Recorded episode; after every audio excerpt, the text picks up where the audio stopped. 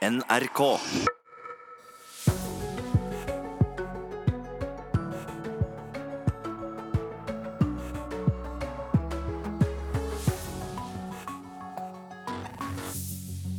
Torsdag har vi kommet til i denne uken, og nok en dag eh, vi starter med Nyhetsmorgen her i P2 og Alltid nyheter. Og vi har en rekke ting vi skal snakke om i dag, blant annet disse sakene.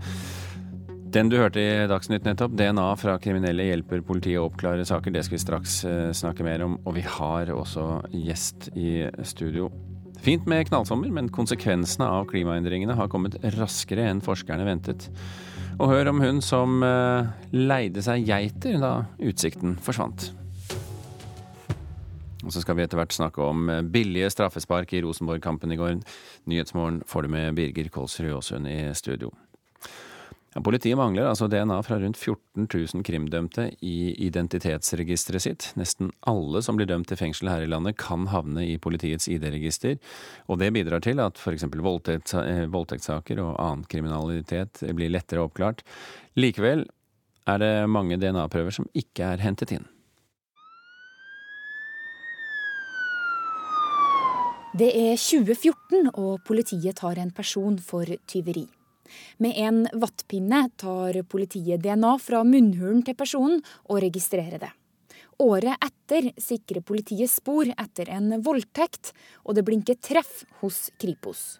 DNA-sporene fra voldtekten matcher med den tyveritatte personen sitt DNA fra 2014. Eksemplene er mange.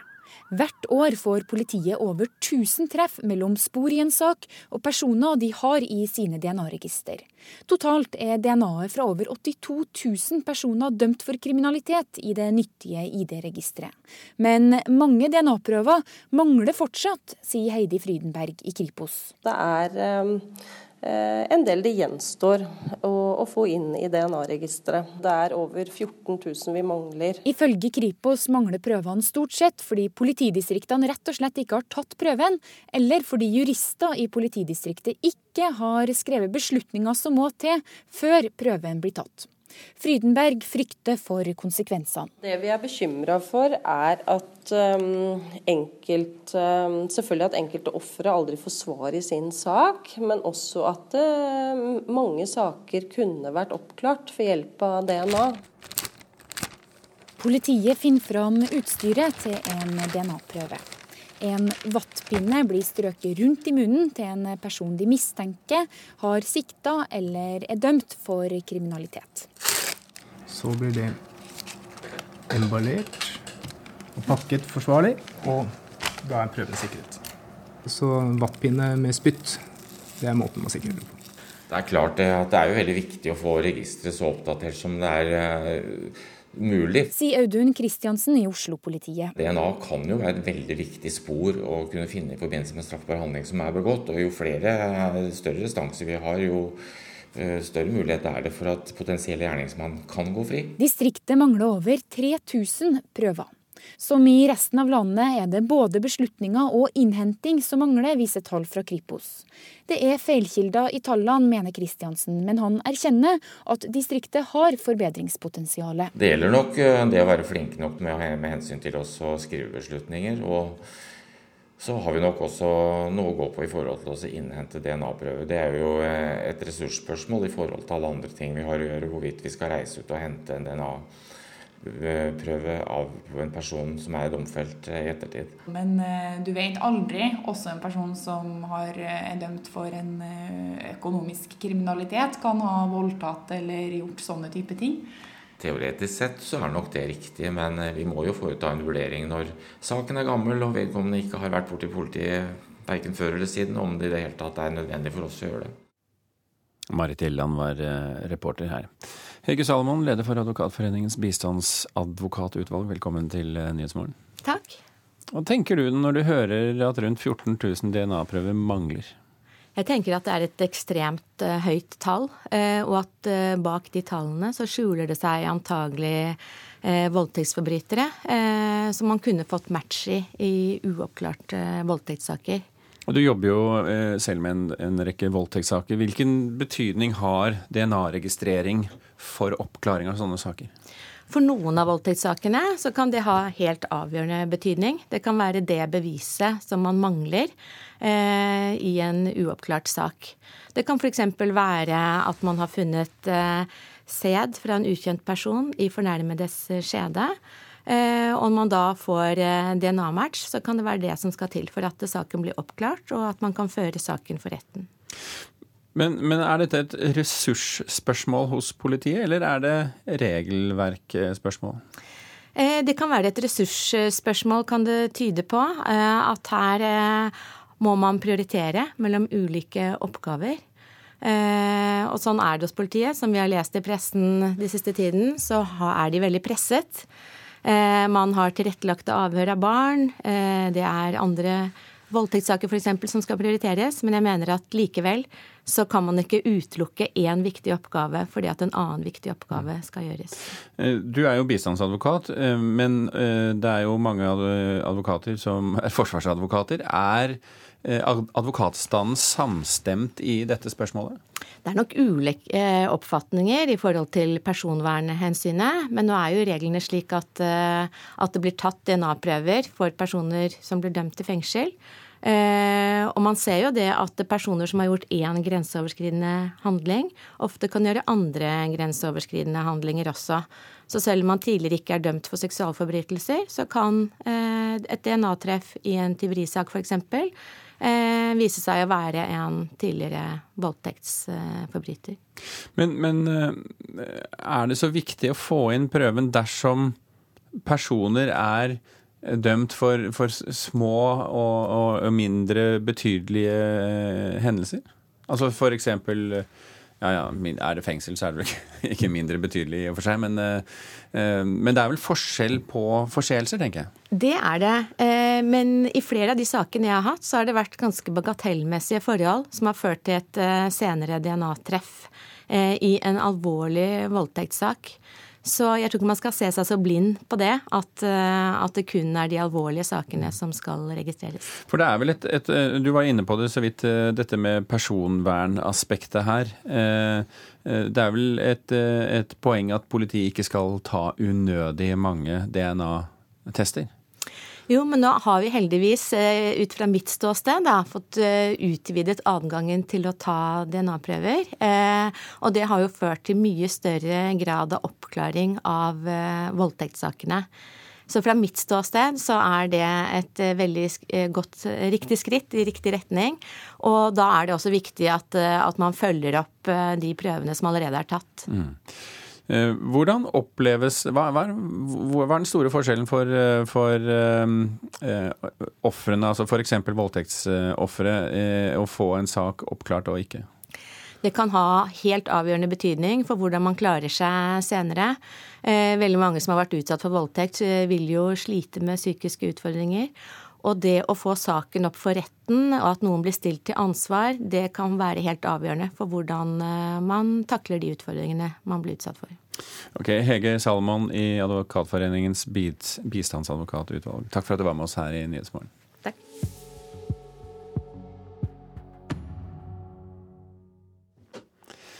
Konsekvensene av klimaendringene har kommet raskere enn ventet. Det mener klimaforsker Bjørn Samset ved Cicero, Senter for klimaforskning.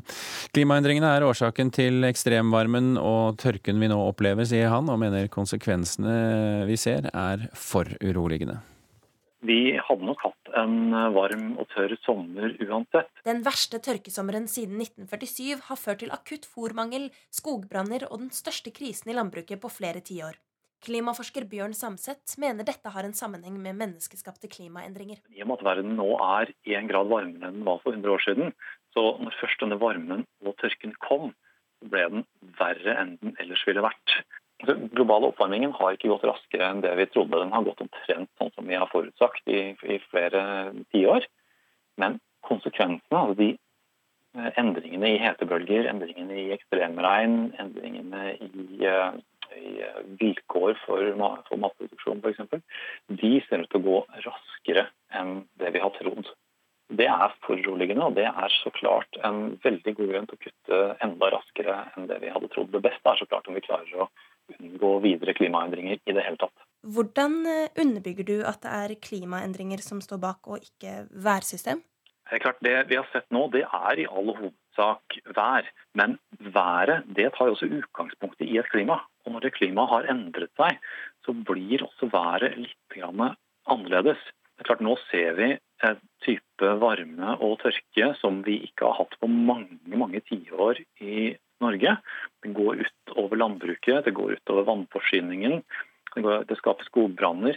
Alle de konsekvensene der de har blitt litt verre, litt mer ekstreme, fordi vi har hatt klimaendringene. Det er akkurat den typen tidlige konsekvenser som vi har snakka om ganske lenge. Leder for Verdens naturfonds globale Arktis-program, Martin Sommerkorn, mener det ikke er blitt påvist noen sammenheng mellom sommerens ekstremtørke og klimaendringer enda. Uh, uh,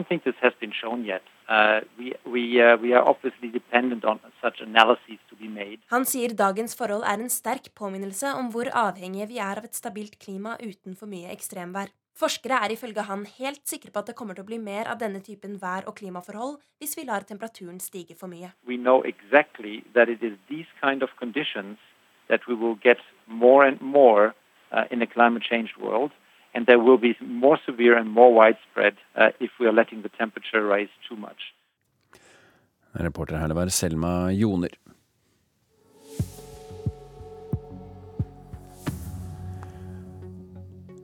Innen 30 sekunder så runder eh, klokken kvart over eh, sju. Du hører på Nyhetsmorgen altså, og toppsakene våre i dag er at DNA fra kriminelle hjelper politiet å oppklare saker, men DNA fra flere tusen er ikke hentet inn.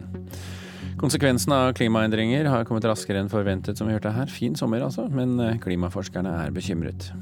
Og syriske regjeringsstyrker fortsetter å bombe Daraa-provinsen med støtte fra det russiske flyvåpenet. Og det skal vi snakke om nå. Vi skal altså til Syria, for der har myndighetene i samarbeid med Russland satt opp et eh, senter for å ta imot flyktninger som vender tilbake til Syria fra nabolandene. Over fem millioner syrere har flyktet ut av Syria, og nå øker presset om at de må returnere. Midtøsten-korrespondent Kristin Solberg, eh, hva slags senter snakker vi om her egentlig? Ifølge russiske myndigheter så har de satt opp dette senteret i samarbeid med eh, syriske myndigheter for å såkalt gi assistanse til dem som vender tilbake. og Det skal da være snakk om å sørge for at de kommer tilbake til hjemmene sine igjen. Det er jo over 5,6 millioner syrere som har flyktet ut av landet i løpet av denne krigen. Og De aller fleste til, til nabolandene. Og nå som myndighetene har tatt kontroll over store deler av landet, så ønsker de å gi et inntrykk av at ting er i ferd med å vende tilbake til normalen. Og at innbyggerne kommer tilbake, det vil eh, understreke det. Og det kommer jo da i kombinasjon med et ganske betydelig og økende press på syriske flyktninger i nabolandet om at de må vende tilbake. Men er det trygt, da? FNs høykommissær for flyktninger sier at det ennå ikke er trygt å returnere. Eh, og for mange, for mange, av dem som har flyktet ut av landet, så, så vil de ha en, en, reell frykt om at det er utrygt. For dette er jo ikke bare en flukt fra kampene. Um, slik at Da ville det jo vært relativt enkelt. Når kampene er over, så kan man da bare dra tilbake. Men i dette tilfellet så har jo mange flyktet fra selve den syriske staten. Um, vi ser jo at uh, folk som har støttet opposisjonen, er blitt kastet i fengsel, torturert henrettet eller rett og slett eh, bare forsvunnet. Og det er eh, også en fare for at menn blir tvangsrekruttert til, til eh, hæren. Samtidig så ser vi også at det er veldig prekære forhold for mange flyktninger i nabolandet. Her i Libanon, hvor, hvor jeg er, så er det mange barn som ikke har gått på skolen på syv år. Det er mange familier som knapt klarer å fø barna sine. slik at for mange av dem så vil det å enten være her eller å dra tilbake, det vil være som, som et valg mellom asken og ilden. Hvor mange snakker vi om her, egentlig? Det er eh, over 5,6 millioner syrere som har flyktet ut av landet, og de fleste da i nabolandene. Eh, jeg er i Libanon. Her er mer enn hver fjerde person en syrisk flyktning, så det er jo eh, ganske betydelig. Eh, det er også over eh, to millioner i Tyrkia, eh, over 1,3 i Jordan. Så det er store, et stort antall mennesker. Og det vi ser er at etter, etter syv år så har motstanden mot mot de syriske flyktningene i nabolandene økt, slik vi også ser i, i Europa. Det er et betydelig politisk press, spesielt her i Libanon, om at de må returnere. Og mange føler seg i en, i en ganske utsatt situasjon nå. Men de som returnerer, hva kommer de egentlig tilbake til? Ja, Det er et godt spørsmål. Det er mange eh, som, som, kommer tilbake til et land som er veldig annerledes enn det de forlot. Altså, det, er, det, er, snakk om byer i ruiner, store ødeleggelser som det vil ta lang tid å bygge opp. Eh, en del av dem har mistet hjemmet sitt, eh, eller kanskje til og med hele nabolaget sitt. Og så er det selvfølgelig denne eh, risikoen for, eh, for, enten fengselsstraff eller tvangsrekruttering til hæren, eller det som, som verre er. Slik at her må det noen mekanismer på plass for at verdenssamfunnet eh, gjennom FN får, får, tilgang til å følge opp dem som returnerer, for å sørge for at det ikke skjer. Det har de ikke per i dag i, i praksis, um, men det må, de ha, det må de få. For dette her er mennesker som er potensielt veldig veldig sårbare. Men, men vi har jo fått rapporter nå i det siste om at opprørerne eh, i det som da var opprørskontrollerte eh, Dara-provinsen, de har overgitt seg. Hvilke konsekvenser vil det få, tror du? Ja, dette er snakk om siste, den siste byen under opprørskontroll i Dara-provinsen. Eh, de eh, overga seg i en forhandlet avtale i går etter en nokså intens eh, bombing den siste tiden. Vi har sett flere titalls sivile som er blitt rapportert drept. Dette bare befester, eller dette bare understreker jo egentlig det generelle bildet om at myndighetene fortsetter å, å befeste sin kontroll, eh, og at opprørerne er eh, så godt som eh, bekjempet i de aller fleste områdene, med unntak av, små, med unntak av Idli-provinsen i, i, nord og noen andre mindre områder. Men det er altså slik at myndighetene fortsetter å befeste sin kontroll, og da er retur av flyktning, flyktninger fra nabolandet en, en, en måte av å gi inntrykk på at ting er i ferd med å vende tilbake til normalen, selv om en del flyktninger vil bestride det. Ok, Kristin Solberg, takk for at du orienterte.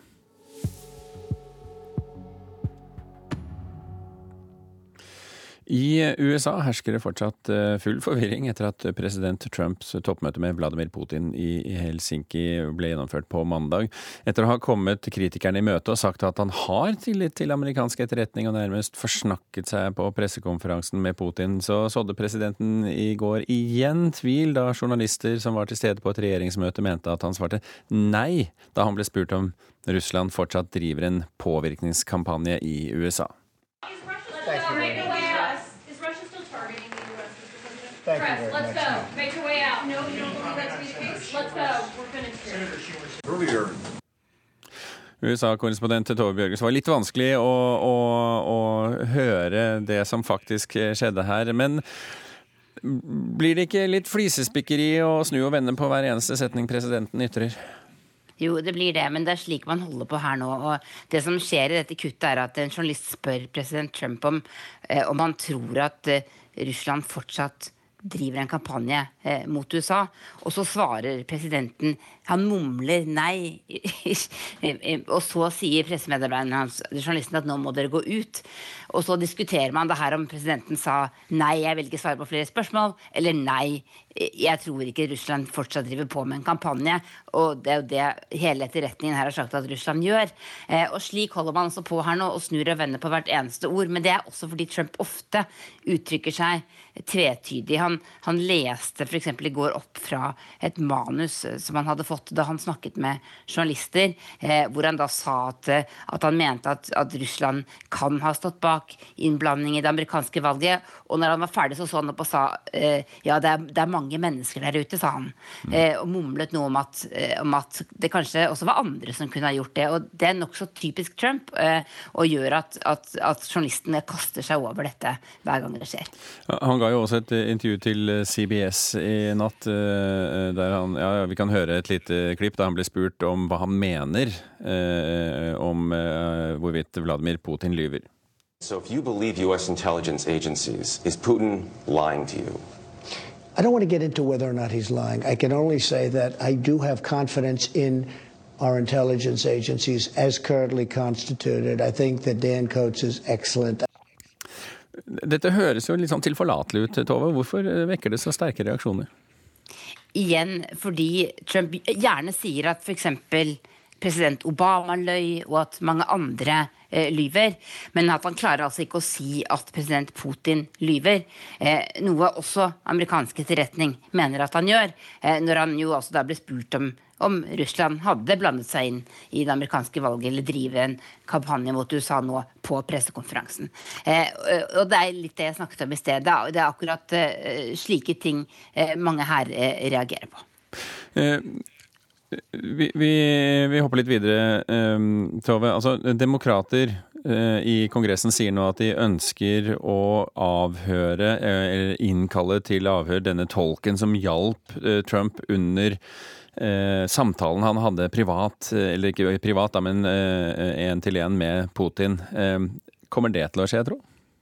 Det kommer neppe til å skje fordi det er republikanere som har flertallet i kongresskomiteene, og som må stå for en slik innkalling. Og de ønsker etter det som har kommet fram så langt, ikke å innkalle denne tolken. Eh, demokrater mener altså at eh, man må få vite hva det var som skjedde eh, da de to møttes i nesten to timer eh, på mandag i Helsinki, uten andre til stede, om Trump kan ha eh, lekket statshemmeligheter eller gjort andre ting mens han snakket med Putin. Og det er det jo egentlig bare denne tolken som vet, eh, for det finnes ikke noe referat fra dette møtet.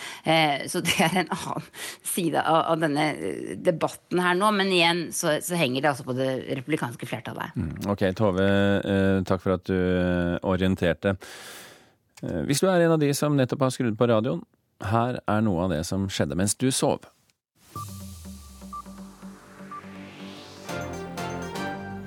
En mann i slutten av tenåra holdt på å dø i ei badeulykke på Sortland i Nordland i natt. Han var medvitslaus i mer enn 45 minutter, men fikk livreddende hjelp og våkna til da han kom i ambulansen. Nattbading kombinert med store mengder alkohol, sa politiet i Nordland om kompisgjengen som meldte om hendinga.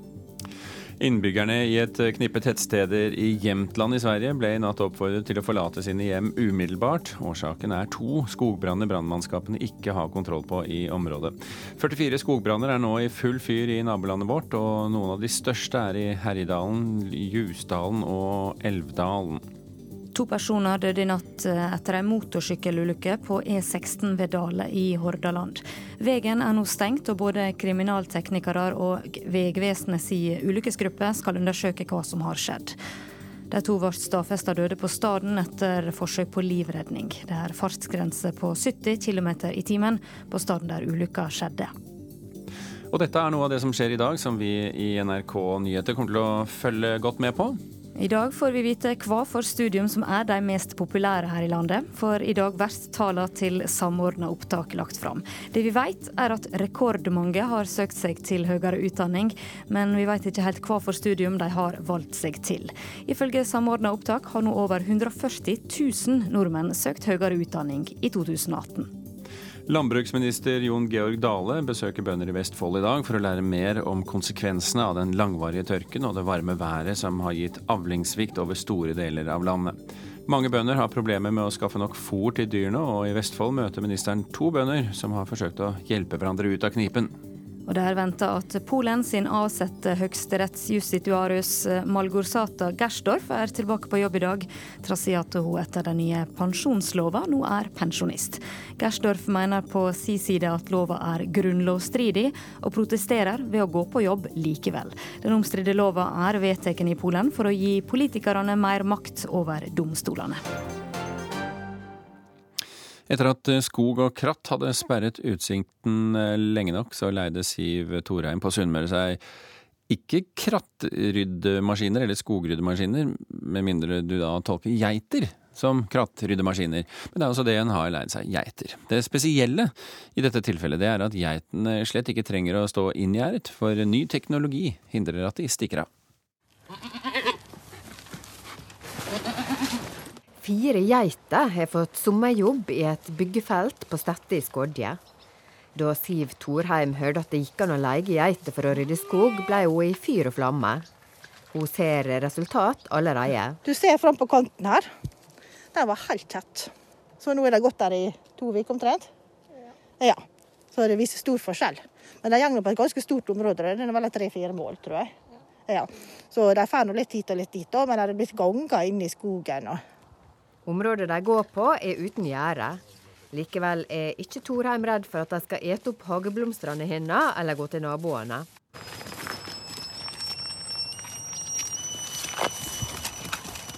Så hører du det pip nå. Da er de kommet borti grensa der de ikke skal være. Så snur de. Rundt halsen har de en klave som gir dem signal om eh, hvor de får gå og ikke gå. Geiteeier Maren Stette forklarer hvordan det virker. Det er jo Nofence sin sånn eh, klave. Der vi stiller inn på telefon hvor de skal gå hen. Og så kobler vi opp imot den klaven de har. Og da får de et blir det et GPS-signal på den klaven da, som gjør at de ikke kan gå utenfor de grensene som vi har laga på telefonen. Så med en gang de nærmer seg, da, så vil de få lydsignal i flere frekvenser. Og så lærer de seg å gå på dette lydsignalet. da. For da vet jeg at ok, når vi kommer til den høyeste frekvensen nå, neste det er støt. Da snur vi. Så de beste geitene vi har, hun som står her, hun får jo ikke støt. Hun går bare på lyd. Hun og samboeren Simon Lindseth har 60 geiter.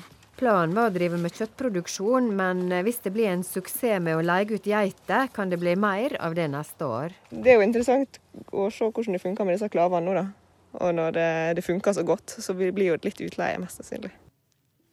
Reporter her det var Malin Kjelstadli Korsnes. Det er ikke så lenge til Dagsnytt kommer med sin hovedsending her i Nyhetsmorgen. Det gjør de hver dag klokka 7.30. Og så skal vi snakke om eh, Rosenborg-kampen. For det ble delt ut tre straffespark. Alle pga. hands. Sommer i P2. Jeg heter Christian Lysvåg og er filosof og journalist. Ideer er blitt grunnen min kapital. Og så leter jeg etter fenomener og opplevelser under overflaten. Eller under radaren, bør jeg kanskje si. Og den lukkede greske klosterhalvøya Atos hadde lokket på meg lenge. Sommer i P2. I dag klokka ni.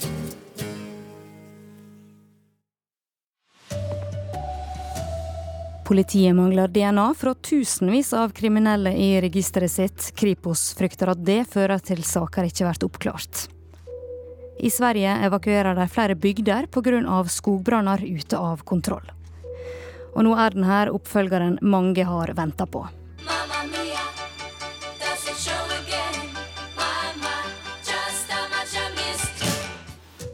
Her er NRK Dagsnytt klokka 7.30. Politiet mangler DNA fra rundt 14 000 krimdømde i identitetsregisteret sitt. Nesten alle som blir dømte til fengsel her i landet, kan havne i politiet sitt ID-register. Og det bidrar til at voldtektssaker og annen kriminalitet blir oppklart. Likevel, tusenvis av DNA-prøver er ikke henta inn. Det er 2014, og politiet tar en person for tyveri. Med en vattpinne tar de DNA fra munnhulen og registrerer det, og året etter blinker det treff hos Kripos. Spor fra en voldtekt er likt DNA-prøven fra 2014. Eksemplene er mange. Hvert år får politiet over 1000 treff mellom spor i en sak og personer de har i sine DNA-register. Totalt er DNA-et fra over 82 000 personer dømt for kriminalitet i det nyttige ID-registeret. Men mange DNA-prøver mangler fortsatt, sier Heidi Frydenberg i Kripos. Det er um en del det gjenstår å, å få inn i DNA-registeret. Det er over 14 000 vi mangler. Ifølge Kripos mangler prøvene stort sett fordi politidistriktene rett og slett ikke har tatt prøven, eller fordi jurister i politidistriktet ikke har skrevet beslutninger som må til før prøven blir tatt.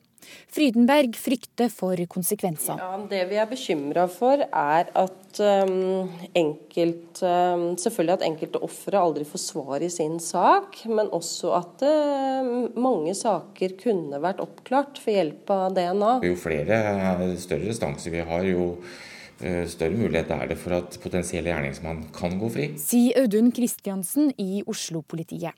Distriktet mangler over 3000 prøver, men som flere andre politidistrikt sier han at de mangler både tid og folk til innhentinga. Det er jo eh, et ressursspørsmål i forhold til alle andre ting vi har å gjøre, hvorvidt vi skal reise ut og hente en DNA-prøve av en person som er domfelt i ettertid.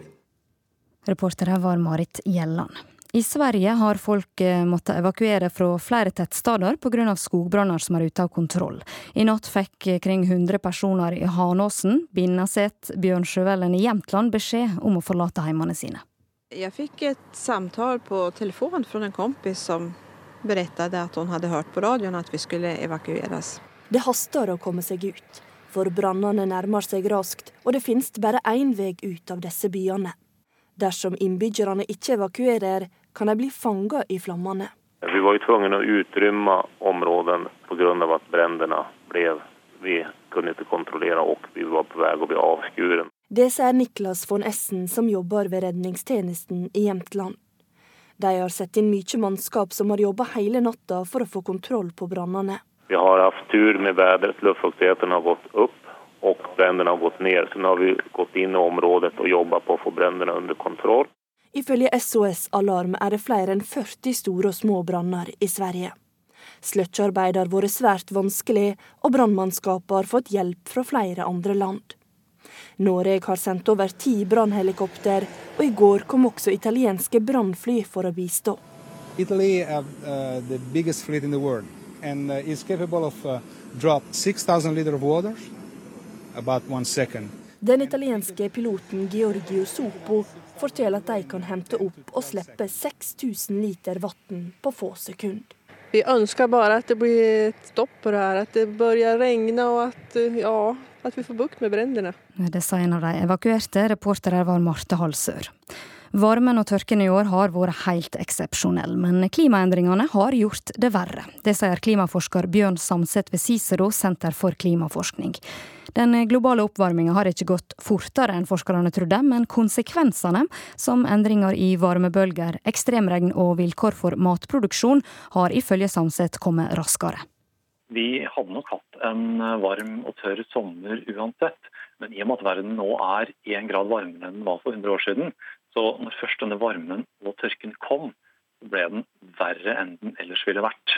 Hvordan eh, underbygger du at det er klimaendringer som står bak, og ikke værsystem? Det er klart, det vi har sett nå, det er i all hovedsak vær. Men været det tar jo også utgangspunktet i et klima. Og når det klimaet har endret seg, så blir også været litt annerledes. Det er klart, Nå ser vi en type varme og tørke som vi ikke har hatt på mange mange tiår i Norge. Det går ut over landbruket, det går ut over vannforsyningen det skaper skogbranner. Alle de konsekvensene der de har blitt litt verre, litt mer ekstreme, fordi vi har hatt klimaendringene. Det er akkurat den typen tidlige konsekvenser som vi har snakka om ganske lenge. Leder for Verdens naturfonds globale Arktis-program, Martin Sommerkorn, mener det ikke er blitt påvist noen sammenheng mellom sommerens ekstremtørke og klimaendringer enda. I don't think this has been shown yet. Uh, we, we, uh, we are obviously dependent on such analyses to be made. Han sier dagens forhold er en sterk påminnelse om hvor avhengige vi er av et stabilt klima uten for mye ekstremvær. Forskere er ifølge han helt sikre på at det kommer til å bli mer av denne typen vær- og klimaforhold hvis vi lar temperaturen stige for mye. Så reporter Selma Joner. Dersom UDI gjør feil i asylsaker, så går det oftest til asylsøkeren sin fordel, ifølge direktør Frode Forfang i Utlendingsdirektoratet. Det betyr i så fall at flere feilaktig får opphold enn det motsatte. En årsak er at det er lagt inn trygghetsmarginer, sier han. Jeg tenker at det er helt umulig å garantere at eh, alle avgjørelser er eh, helt riktige. Men jeg tror nok at uh, i den grad vi tar feil avgjørelser, så kan nok på asylområdet være heller flere som kanskje feilaktig får en innvielse, enn som feilaktig får et avslag. En årsak er altså at det er lagt inn sikkerhetsmarginer til fordel for asylsøkeren, fordi følgene av et feil avslag kan bli dramatisk for den enkelte, ifølge Forfang. Dessuten blir de fleste avslag klaget på, og saken blir dermed behandlet flere ganger. Et positivt vedtak derimot er det ingen som klager på, så de blir bare behandlet én gang. Der ligger det en større risiko for feil, eh, pluss at sikkerhetsmarginere gjør at eh, det nok er en større risiko for at noen som kanskje strengt tatt ikke burde fått opphold på asylområdet, får det, enn at det motsatte skjer. Som UDI-direktør har Forfang gjennom årene snakket med mange asylsøkere. Noen samtaler gjør mer inntrykk enn andre. Når du snakker med noen som du vet kommer til å få avslag ut fra det du hører, men som har investert enormt i det å komme til Norge, og som har tro på at uh, dette er et nytt liv for dem, og at dette er fremtiden. Men hvor du skjønner at dette kommer ikke til å nå fram. Da tenker jeg på en måte hvordan kan vi best mulig hindre at folk tar hele veien til Norge, hvis det likevel ender med et uh, avslag. Reportere var Katrin Hellesnes. I morgen er det premiere på den andre filmen basert på låtene til ABBA, nemlig oppfølgeren Mamma Mia Here We Go Again. I tillegg til skuespillerne fra den førre filmen, så er blant andre artisten Cher med i denne. ABBA-stjernene Benny Andersson og Bjørn Ulveus er imponerte over skuespillerne. Det er ganske underlig, egentlig. Ja. At det ikke vil ta slutt. I mer enn 40 år har poplåtene til Bjørn og Benny klistret seg til folks netthinner. Man håpet på at noen flere skulle like det, og så gjorde de det. Men aldri tenke i sånt som 40 år framover. Aldri i livet. Fantes ikke. Mamma Mia-filmene gjør at den yngre generasjonen blir kjent med låtene, og får den trofaste ABBA-fansen til å ta fram sin indre dancing queen. Hvorfor skal folk se 'Mamma Mia, Here We Go Again'? For at den er bra. Ja. Den er bra, og den låter bra, og skuespillerne er skitbra, og de synger kjempebra. Let's get the party started. Cher er blant de nye skuespillerne i filmen og gjør en entré en diva verdig. Det gjør Bjørn Ulveus starstruck. Jeg blir det. Jeg, altså, blir litt, ja. jeg kan ikke fatte at lilla jeg fra Vestervik liksom at jeg har havnet i det her. Og den store respekten er gjensidig. Amanda Seafried, Christine Baranski og Stellan Skarsgård mener de to låtskriverne er genier. Mm. Well, like, like Santa Claus. Og Skarsgård innrømmer gladelig at han ikke synger helt rent. When we record, I can see that it physically hurts Benny. Uh, his face is, is in pain. Here I go again. Reportere var Knut Øyvind Hagen. Ansvarlig for NRK Dagsnytt var Marianne Løkkevik. I studio Katrine Nybø.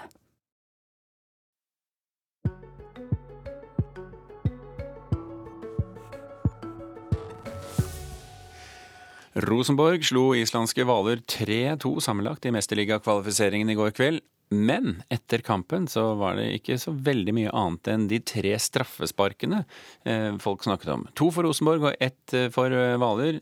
Og spesielt det som kunne blitt Rosenborgs skjebne, skapte reaksjoner. Jeg tenker Hvis vi ryker ut på det, så nei, det hadde rabla for meg. Og det er lett å forstå Marius Lundemos frustrasjon. For ikke nok med at det ble en frustrerende kamp trønderne måtte vinne, så fikk både Rosenborg dommeravgjørelser med og imot seg. I det 84. minutt kom kanskje den største blunderen av den bulgarske dommeren Stefan Apostolov. Lundemo klarerte en ball med hodet, men Apostolov mente bestemt at Rosenborg-spilleren brukte hånden. TV-bildene var enig med Lundemo, men dommeren lot seg ikke rikke. Jeg vet ikke om han forstår så mye engelsk eller hva, men han står bare og sier penalty. Gidder ikke å høre på noe som helst. Så. Da var Rosenborg ute av Mesterligaen før turneringen nesten hadde startet. Før det hadde Rosenborg på sin side fått et straffespark som følge av en tvilsom hands-avgjørelse, og to minutter på overtid. Nok en straffe til Rosenborg, nok en hands og nok en tvilsom dommeravgjørelse. Vi vet nå det at uh, hands er vel uh det er vel 50-50 om du får straffe eller ikke, så, så, det skal ikke jeg si om noen. Det eneste jeg vet, er at uh, å få den i hodet er ikke noe straffe. Og det fikk Marius. Eh, så Ellers så kan du alltid diskutere hands-straffa. Hands eller ei, Rosenborg er videre i Mesterligaen og møter Celtic til andre kvalifiseringsrunde neste uke. Det mener Rosenborg-trener Kåre Ingebrigtsen uansett er fullt fortjent. Vi står her og vi fikk den og vi satte den, så syns jeg vi er fortjent å gå videre. Vi var over to kamper, så har vi vært det, beste laget. og Vi har gjort det litt mer spennende enn det vi trengte. Reporter her var Sondre Myhre. Hundrevis av kirker her i landet har sommeråpent én, eller kanskje til og med flere dager i uken. Og spesielt kirkene som ligger langs med pilegrimsleden, melder om stor tilstrømning av folk nå. Du kan få være med oss til Sarpsborg, til Olav den helliges by og Sarpsborg kirke.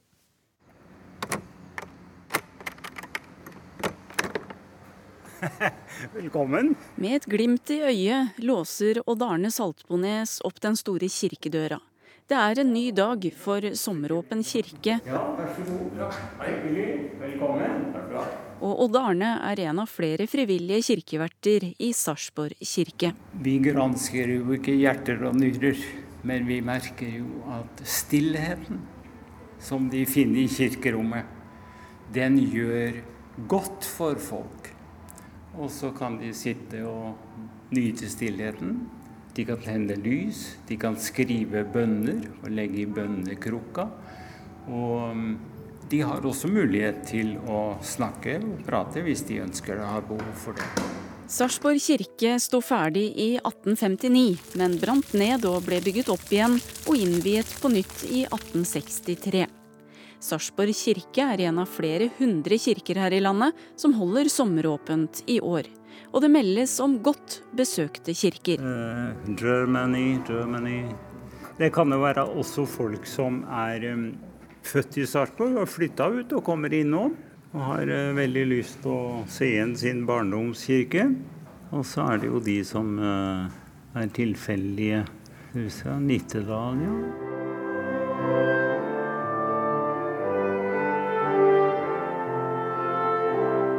I Sarpsborg kirke er det middagsgudstjeneste en gang i uka. Og da trår gjerne prest Ragnhild Hansen til på klarinett. Det er veldig gøy å få bruke seg sjøl og få spille. Og det er veldig gøy å spille. Jeg er med i Sarpsborg Randersar og jeg får øvd meg litt der. Men også å få bruke det i jobben her er veldig gøy. Å formidle på litt andre måter enn bare med ord. Det når fram, tror jeg.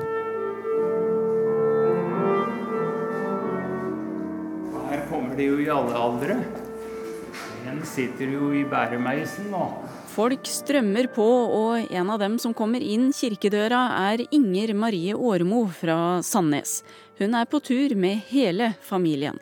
Og hun syns det er fint at eh, kirkene har sommeråpent. Nei, det er jo veldig fint og mye fint å se her inne. Og mange fine utsmykninger og Ja, det er flotte bygg. Så ungene òg syns det er stas. De kan til og med leke litt her inne. Eh, vår reporter i den sommeråpne Sarpsborg kirke var Siv Mariann Strømbekk.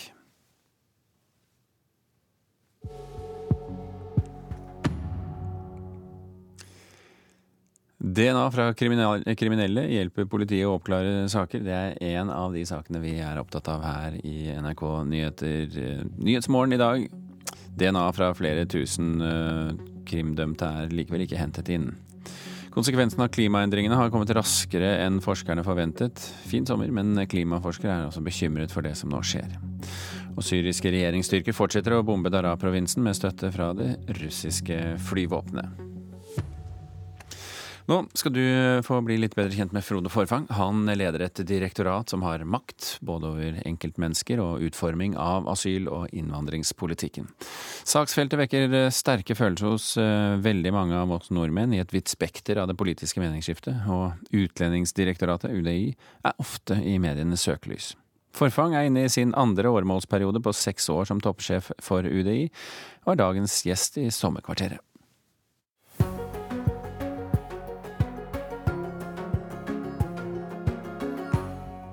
Lang ferie skal du ha i år? Jeg pleier å prøve å ta fire uker sammenhengende, og det tenker jeg tar jeg også i år. Sjekker du jobb-e-posten mens du har ferie? Jeg har faktisk en e-postadresse som blir fulgt av andre, slik at jeg har noen som uh, følger med på min e-post mens jeg er på ferie.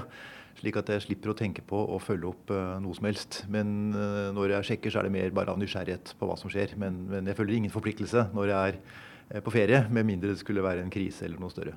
Syns du det er ålreit å gå med shorts på jobben? Jeg ville ikke gått med shorts selv, men jeg dømmer ikke andre, med mindre de skal ut og representere eller møte noen utenfor eh, arbeidsplassen.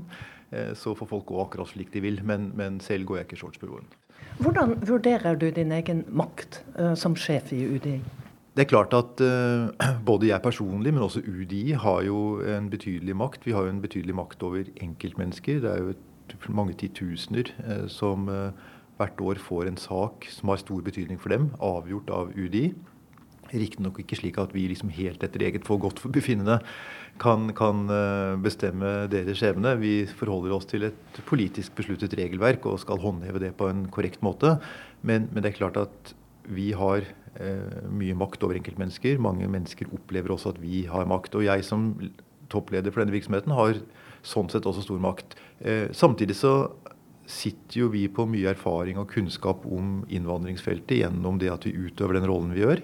Eh, og det betyr jo også at vi kan øve innflytelse på hvordan dette feltet utvikler seg. Og eh, ikke minst også hvordan regelverket utvikler seg.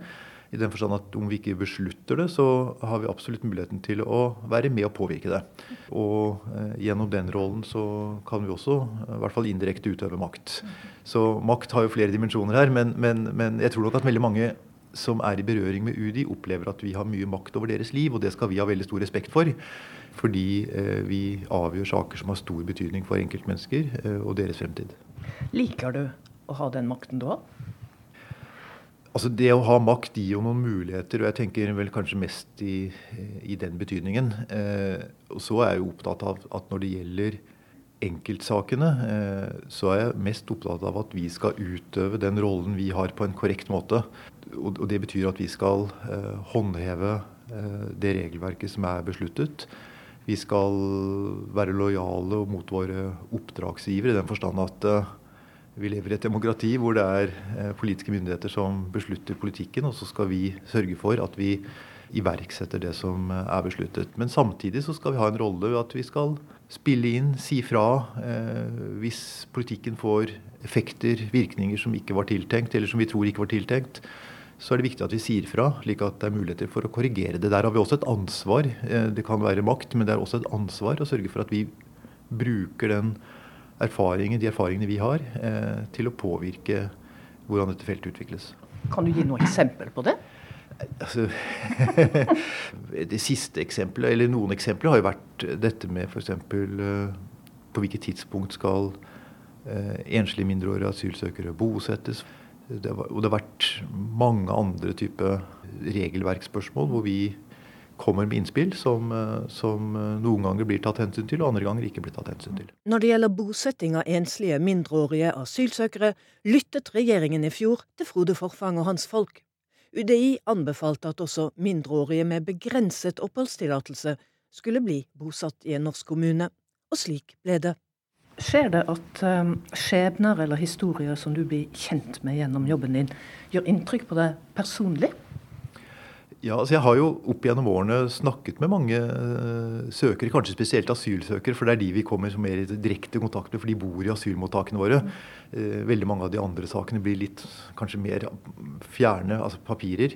Uh, men asylsøkere har jeg snakket med ganske mange av, fordi at jeg er ofte ute og besøker asylmottak.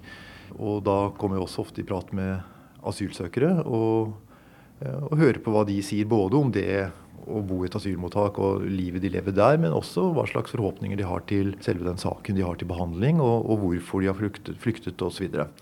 Det er klart at det er jo mange ulike skjebner der ute. Det som eh, av og til gjør eh, stort inntrykk, er jo når du snakker med noen som du vet kommer til å få avslag ut fra det du hører. Eh, men som har investert enormt i det å komme til Norge, og som har eh, tro på at eh, dette er et nytt liv for dem, og at dette er fremtiden. Men hvor du skjønner at dette kommer ikke til å nå fram. Da tenker jeg på en måte hvordan skal vi sørge for å best mulig realitetsorientere dem om hva som er i vente. Og hvordan kan vi best mulig hindre at folk tar hele veien til Norge hvis det likevel ender med et avslag. Og ikke minst hvis de allerede er her, hvordan skal vi sørge for at de forstår at hvis de har fått et avslag, uh, så er det faktisk et avslag som har noen konsekvenser. Det er i hvert fall noen type problemstillinger jeg har vært borti flere ganger. At jeg snakker med noen som du, du, skjønner at de er i en vanskelig og krevende situasjon. De har investert mye. Uh, de, har, de vil få et mye bedre liv hvis de får bli i Norge, men du vet at det som vil skje, er noe annet enn det. Gjør ikke det litt vondt? Jo, og jeg tenker, av og til så tenker jeg på at en del mennesker også kaster bort veldig mange år av sine liv på et, uh, prosjekt og et håp uh, som ikke har noen realisme i seg. Uh, og da tenker jeg av og til på hvordan kan vi bedre gjøre disse menneskene i stand til å forstå hva som venter dem før de kommer. Før de setter i gang alt dette. For det er en stort prosjekt å, å investere i det å ta seg til Norge. Det kan koste mye penger. De betaler ofte dyrt til menneskesmuglere, setter seg i gjeld. Eh, de kan eh, ofte ta også en farlig reise, så det er risikabelt. Eh, I tillegg til at de jeg tror personlig også investerer så mye av hele måten å tenke på inn i dette at de klarer ikke å forestille seg at noe annet enn at de skal bli i Norge. Når de først har investert så mye både økonomisk og risikomessig og kanskje mer sånn følelsesmessig i det å komme til Norge. Og, og det å bidra til at flest mulig forstår bedre hva som venter dem før de kommer, det tror jeg alle vil være tjent med. Du har selv sagt at reglene er mange av reglene er skjønnsmessige, kanskje involvert for mye skjønn til og med. Er du sikker på at uh, dere alltid tar de riktige avgjørelsene? Har du noen gang vært i tvil? Er dette riktig?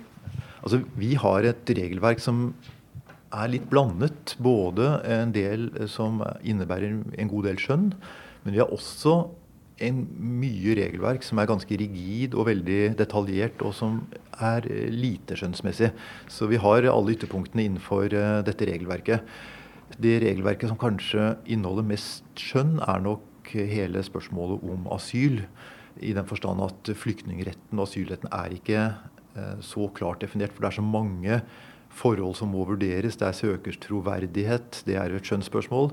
Det er forholdene i hjemlandet, men også den konkrete personen opp mot forholdene i hjemlandet. Altså det er, alle disse tingene er jo mye eh, et spørsmål om skjønn. Selv om det er klare regler, så er det så mange uklarheter rundt omstendighetene i en sak som gjør at uh, vi må foreta en, en, vurdering ut fra troverdighet, ut fra sannsynlighet osv. Men det, det, er jo helt grunnleggende, er det ikke det? Det er helt grunnleggende, og, det, det, og det, gjør jo at asylsaker er noe av det mest krevende vi jobber med. fordi på en del andre områder, f.eks. når det gjelder familieinnvandring og en del andre typer regelverk, så er ofte regelverket veldig detaljert, sier veldig klart hvilke vilkår som skal oppfylles. Ofte på et veldig detaljert nivå. Noe som gjør av og til at det kan bli kanskje for rigid. Men, eh, men eh, på asylområdet så er det en del eh, vurderinger som skal tas.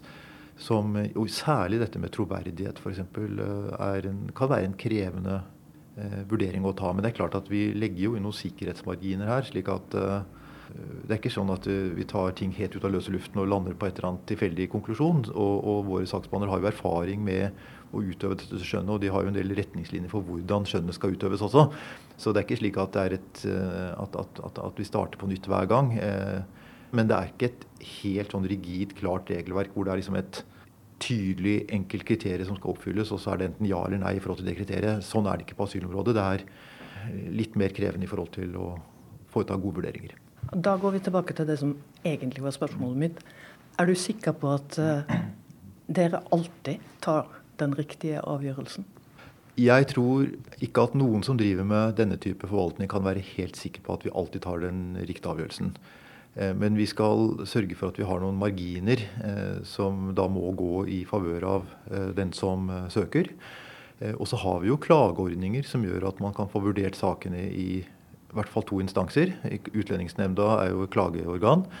Eh, slik at eh, hvis vi gjør en feil, så får vi da vi håpe at, at dette kan fanges opp i en klagerunde. I hvert fall så er det mange rettssikkerhetsgarantier gjennom hele måten saksbehandlingen er organisert på, ved at man har muligheten til å få to helt uavhengige gjennomganger av, eh, av saken.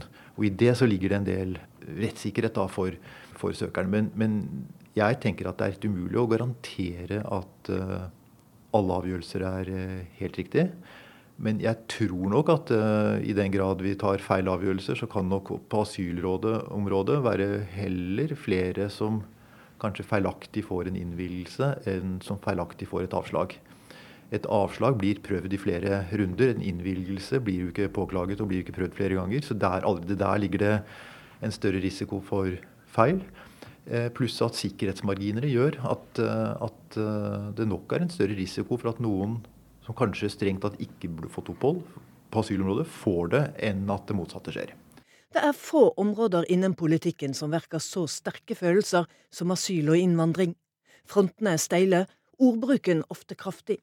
Frode Forfang har sagt at noe av UDIs regelverk er i overkant detaljert. Vi spør om det skyldes politikere som blir litt for styringsivrige. Ja, men det er, det er, noen sånne egne mekanismer som gjør seg gjeldende på dette feltet. Jeg kan bare nevne et eksempel. og det er at uh, La oss si at du har en problemstilling hvor det dukker opp en enkeltsak som framstår som urimelig, og som politikerne f.eks. ønsker å endre regelverket i forhold til. Regelverket gjør at en person får avslag, og kanskje politikerne tenkte at ok, her var det urimelig. Uh, vi burde innvilge en sånn type sak. Så ser man da på la oss si, lov eller forskrift og skal prøve å fange opp denne saken så er nok politikerne veldig bekymret for at de skal åpne opp for mye, liberalisere for mye. slik at de vil ikke at veldig mange flere skal få opphold pga. en endring av regelverket, men de vil gjerne at akkurat den saken som har vært oppe og vært fokusert på, den skal kunne fanges opp av et nytt regelverk.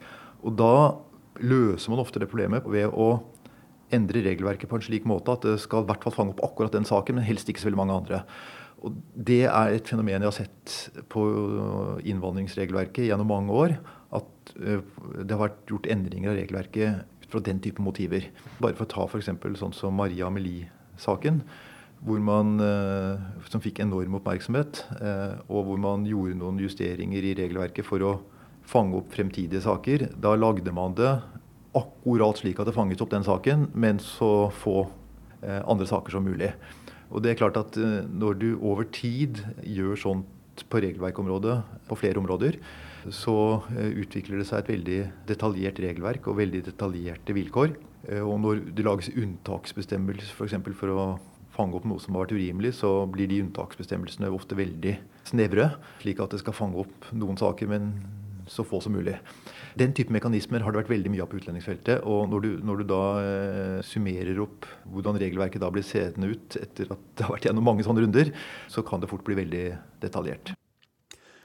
Direktør i Utlendingsdirektoratet her, altså, UDI, Frode Forfang, som ble intervjuet av Katrin Hellesnes i dagens Sommerkvarter. Som vi har vært inne på flere ganger i dag, og de siste ukene også for den saks skyld, det har blitt eh, satt varmerekorder for juli i flere steder i landet. Nå i Nord-Norge, og varmen har gode nyheter for noen og enhver, med mindre man bor i de svenske skoger. I mai hadde Henny Olsen en vekst på 30% I eh, juni har veksten vært på 20% skriver Dagens Næringsliv i dag. Det er den beste sommeren noensinne, ifølge Pål Henny Olsen, administrerende direktør. Nå kommer Dagsnytt. Så skal vi fortsette én time til her i Nyhetsmorgen.